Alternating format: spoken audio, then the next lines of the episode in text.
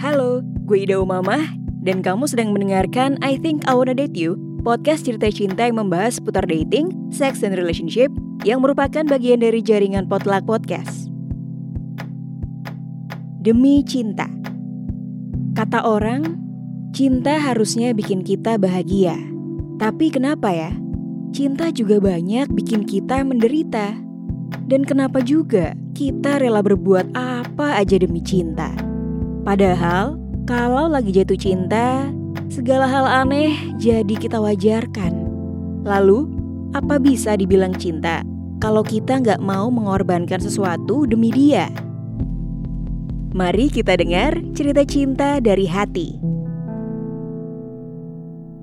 Kali ini di segmen dari hati gue akan membahas kenapa sih ketika kita suka sama seseorang atau lagi naksir sama orang, kita bakal ngelakuin berbagai hal demi mereka entah berkorban buat gebetan, pacar, atau pasangan hidup kita. Misalnya ada yang tiba-tiba penampilannya berubah demi menyenangkan kekasihnya atau involve ke sebuah hobi yang sebenarnya kita nggak suka gitu ya. Tentunya di sini sebagian dari kita juga udah tahu bahwa yang namanya cinta kadang emang membutakan mata. Nah, gue pribadi nggak pengen menutup mata nih dan beneran pengen tahu sejauh apa dan serela apa sih orang-orang berkorban demi gebetan atau mungkin mereka punya alasan kenapa akhirnya ngelakuin hal tersebut. Misalnya yang tadi gue bilang ya, biasanya dia ke mana-mana pakainya jeans, celana atau sesuatu yang bukan rok lah. Terus tiba-tiba pacarnya, kayaknya kamu kalau pakai rok lebih cakep deh yang, misalnya gitu ya. Nah biasanya orang-orang tuh akan melakukan itu demi menyenangkan pacarnya atau kekasihnya.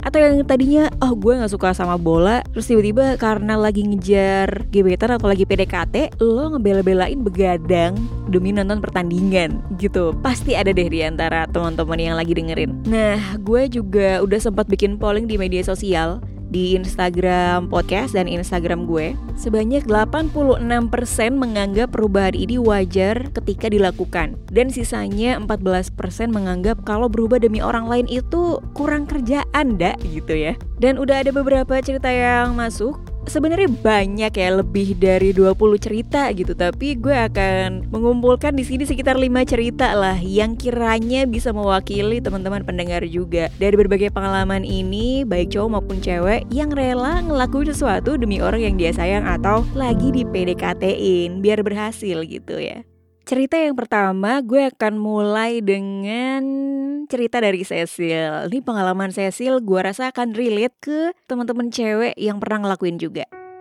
Bukan sama gebetan, tapi sama pacar sendiri.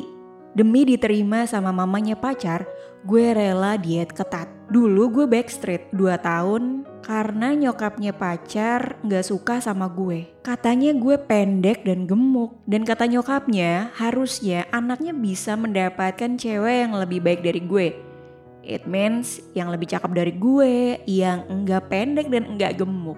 Akhirnya mantan gue dulu bikin program diet buat gue.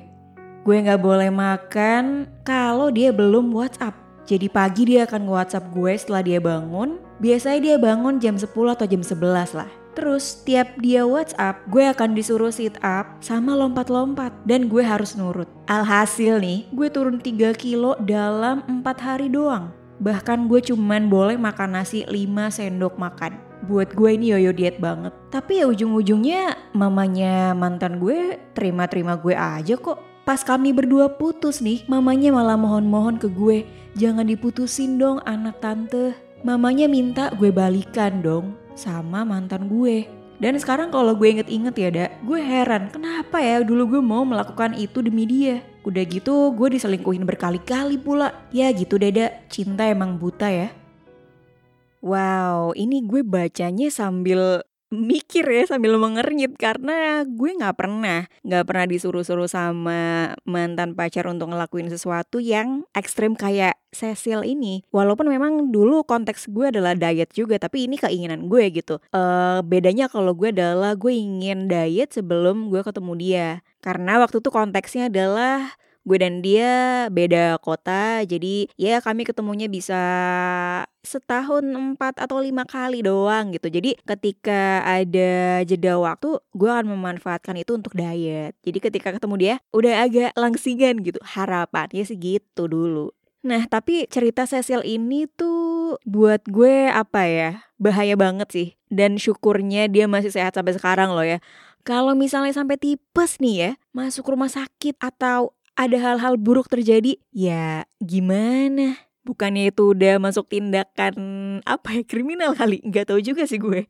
Dan mantan lo gak akan bertanggung jawab gitu dengan efek atau dampak yang udah ada kalau misalnya tiba-tiba lo sakit atau gimana. Dan yang gue heran pacarnya tuh niat banget loh sampai ngingetin via WhatsApp tiap hari, ngedikte kapan dia harus sarapan. Oh my god. Kebetulan gue juga ada beberapa kali mencoba macam-macam diet nih. Dari keto, DEBM, OCD, ah pokoknya udah banyak banget. Dan menurut gue turun 3 kilo dalam 4 hari itu sumpah ekstrem banget. Makanya tadi gue bilang kan, bisa tipes atau kekurangan nutrisi gitu. Gue gak habis pikir aja ada cowok dengan spesies begini. Well, Cecil, you deserve cowok baik dan pintar yang jauh lebih baik dari dia. Yang gak kayak mantan lo ya tentunya.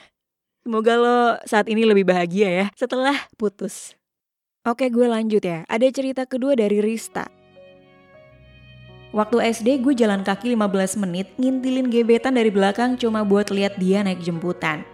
Pas SMP, gue subscribe koran-koran bola demi memahami hobi bola dia. Dan waktu gue kuliah, gue muterin satu fakultas tertentu sendirian tiap pulang kampus, berharap papasan sama dia. Tapi yang gak terjadi, papasan enggak, item iya dan gempor. Nah, buat gue yang dilakukan Rista ini somehow juga dilakukan oleh banyak orang sih biasanya. Termasuk gue, menguntit gebetan demi tahu rumahnya di mana. Padahal main aja nggak akan berani gitu. Iya kan? Terus berusaha banget buat involve ke hobi si cowok. Walaupun misalnya kita nggak suka bola. Iya kadang emang kalau lagi PDKT sih nggak akan sadar ya. Kalau apa yang kita lakukan emang rada gila atau rada nekat gitu. Rasanya ya wajar-wajar aja nggak ada yang salah. Tapi menurut gue memang sensasi ketika ngelakuin hal aneh ini yang kadang penting, yang kadang buat kita terasa menyenangkan, kayak ada kepuasan pribadi gitu dan rasa penasaran kita jadi terpecahkan gitu ya. Dan yang penting sih jangan sampai membahayakan diri sendiri ya kalau lagi PDKT sama orang. Gue akan lanjut cerita ketiga ada dari Vina. Dulu gue pernah belajar main gitar karena si oknum anak band. Goblok banget padahal dia mainnya bass. Sampai gue belajar lagu-lagu klasik, segala chord gue mainin padahal dia mainin lagu-lagu jijing kerakan. Jaka sembuh makan tomat, au amat. Baiklah, jadi si Vina ini ngebela-belain belajar alat musik sampai belajar chord dan sebagainya karena gebetannya main musik. Walaupun ternyata salah tebak ya, yang dimainin itu tuh bass bukan gitar. Gue juga baru tahu perbedaan gitar dan bass tuh kayaknya awal-awal kuliah sih gara-gara gue masuk marching band. Jadi gue tahu nih nama-nama alat musik detailnya kayak gimana gitu kan. Secara awam bentuknya sama lah, gitar ya gitar aja gitu kan. Nah, menurut gue salah satu pengorbanan yang sering dilakukan banyak orang itu adalah meluangkan waktu buat belajar hal-hal baru. Misalnya kayak si Vina ini belajar musik. Ada juga beberapa teman gue yang tiba-tiba belajar bahasa Jerman, belajar bahasa Sunda demi bisa ngobrol banyak sama pacarnya, sama gebetannya gitu. Cuma menurut gue ada satu hal yang harus disyukuri nih di sini bahwa segala yang udah dikorbanin dari waktu, tenaga, uang mungkin ya kalau misalnya si Vina ini sampai ambil les musik, seenggaknya punya manfaat lah buat diri sendiri. Hitung-hitung ningkatin skill juga gitu. Kalau lo nggak naksir orang gitu ya, nggak lagi ngejar gebetan, mungkin nggak akan kepikiran buat belajar alat musik atau belajar bahasa Sunda, bahasa Jerman atau bahasa-bahasa lain yang sekiranya gebetan lo atau pacar lo nih suka gitu ya. Iya itu tadi, sebenarnya apa yang kita lakukan tergantung segila apa, tergantung kegiatannya apa dulu gitu ya. Kalau misal bermanfaat, sikat aja lah nggak apa-apa. Well, ada cerita keempat nih dari Bimo. Dia ini laki-laki. Dulu gue bela-belain dari Karawang lalu ke Palmerah jemput doi. Habis itu gue antar lagi ke Tangerang naik motor demi berduaan lebih lama. Nah, mungkin cowok-cowok bakal ngelakuin hal yang sama nih ya kayak Bimo. Karena biasanya emang sengaja biar momen berduaannya lebih lama. Apalagi kalau naik motor bisa pegangan erat. Kalau di perempatan lampu merah juga bisa elus-elus lutut yang bonceng gitu ya. Ya banyak hal lain lah ya yang bisa dilakukan dan terasa romantis walaupun cuma naik motor Sebetulnya gue pribadi juga lebih seneng naik motor dibanding naik mobil karena gue merasa udaranya lebih enak aja gitu, sepoi-sepoi gitu ya kalau naik motor. Memang akan agak repot kalau misalnya hujan gitu kan. Kita ribet lah harus pakai jas hujan dan segala macam basah. Sisanya sih tetap seru ya. Dan entah kenapa cowok-cowok ya, mostly dedicated untuk bolak-balik jarak jauh. Rumah pacar lo di mana, rumah lo di mana, janjian ketemunya di mana, ngedate-nya di mana, itu kayaknya nggak masalah buat mereka. Kelihatannya sih gitu ya, nggak tahu kalau uh, realitasnya seperti apa. Beberapa teman gue memang dealing with it, paling tekornya di bensin aja lah, atau sama pegel-pegel gitu tangannya karena nyetir lama dan pantatnya rada-rada tepos karena duduk mulu gitu ya. Tapi gue salut lah sama orang-orang yang bisa begini, yang bisa menjaga partnernya dan memastikan sama-sama pulang dengan selamat.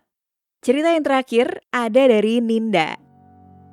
Dulu pas gue SMA, cowok yang gue incer mantan-mantannya cakep banget. Badan mereka ideal, tinggi, langsing. Ya selayaknya cewek-cewek cakep yang populer gitulah gue nggak tahu kenapa gue bisa suka sama cowok yang jelas-jelas seleranya jauh dari representasi gue. Namanya juga suka ya. Gue nggak bisa milih lah mau suka sama siapa. Akhirnya nih, suatu hari gue sengaja mengubah penampilan gue. Lebih rapi, dandan, ya pokoknya style beda lah dari gue kayak biasanya. Sampai-sampai beberapa temen gue mengira gue kenapa-kenapa gitu. Sebenarnya tujuan gue ya biar dilirik sama doi. Cuman gue tahu kesempatannya emang kecil. Gimana lagi namanya juga usaha, jadi gue ngerasa harus nyoba dulu nih at least. Biar gue dianggap ada di dunia ini, especially dianggap sama dia. Wow, oke. Okay. Kasus Dinda ini sebetulnya mirip-mirip sama Cecil ya tadi di awal yang rela berubah demi gebetan atau pacar. Sampai mengubah penampilannya juga gitu. Gue jadi inget nih sama tokoh Alma di series Why Women Kill yang gue tonton minggu lalu. Jadi si Alma ini tuh sengaja mengubah penampilannya demi bisa diterima di klub berkebun sosialita gitu. Jadi isinya emang ibu-ibu yang high fashion gitu yang harga bajunya, harga tasnya mungkin berkali-kali lipat dari gaji si tokoh Alma ini. Dan kalau misalnya teman-teman penasaran dengan kelanjutan tokoh Alma ini seperti apa di kehidupan nyatanya di series gitu ya, teman-teman bisa tonton di Cage Play, salah satu platform streaming buat nonton yang bisa diunduh di Play Store. Dan kebetulan mereka juga lagi ada promo nih ya. Jadi kalau misalnya kita langganan satu bulan dengan menggunakan kartu kredit bayarnya, kita bisa free 3 bulan. Jadi tunggu apa lagi kalau misalnya teman-teman pengen nonton film lain atau series lain di Catch Play juga bisa. Dan buat gue sih termasuknya murah ya, karena dengan harga 45 ribu, kita udah bisa langganan 3 bulan nonstop mau nonton series atau film apa aja. Baiklah, sampai juga kita di penghujung episode kali ini. Cerita-cerita yang tadi udah gue bacain dari temen-temen yang pengalamannya luar biasa ya dalam mengejar gebetan, terus memenuhi kemauan pasangannya gitu ya. Yang sebetulnya jadi menuntut kita untuk menjadi orang lain kadang-kadang karena belum tentu kita juga nyaman dan suka ngelakuinnya. Kan bisa aja karena terpaksa, karena butuh validasi dari orang lain gitu ya. Terakhir gue sebetulnya pengen tanya ke teman-teman pendengar nih, sebetulnya perlu gak sih kita sampai berubah demi orang lain? Apakah itu worth it? Kita capek-capek berusaha untuk mencapai standar mereka, standar kecantikan yang menurut mereka, oh harusnya cewek tuh gini nih, harusnya lo tuh gini sebagai perempuan gitu ya. Buat gue pribadi, kalau sifatnya emang beneran bisa elevate skill, bisa ngedevelop kemampuan lo gitu, nggak apa-apa kayak cerita Vina tadi yang belajar musik. Tapi kalau misalnya itu nggak bisa ditoleransi atau itu membahayakan diri lo ya mendingan jangan dilakukan gitu kan? Karena again yang akan bertanggung jawab adalah diri kita sendiri bukan orang yang meminta lo berubah atau yang pengen lo berbuat macam-macam demi dia. Jadi, please pikirkan diri kita sendiri, kita butuhnya apa, maunya apa, jangan sampai orang lain bisa mendikte kita. Oke, terima kasih buat teman-teman yang udah dengerin. Segitu aja dari gue. Dan buat teman-teman yang mau kirim cerita atau pertanyaan seputar dating, sex and relationship, bisa ke email podcastdating.id at gmail.com atau DM ke Instagram at wannadateyou underscore podcast atau ke Twitter at wannadateyou. Follow dan subscribe Potluck Podcast di Youtube juga Instagram untuk info soal episode terbaru dari jaringan Potluck. Terima kasih buat kamu yang udah menyimak sampai akhir. Selamat beraktivitas, sampai jumpa di episode berikutnya. Dah.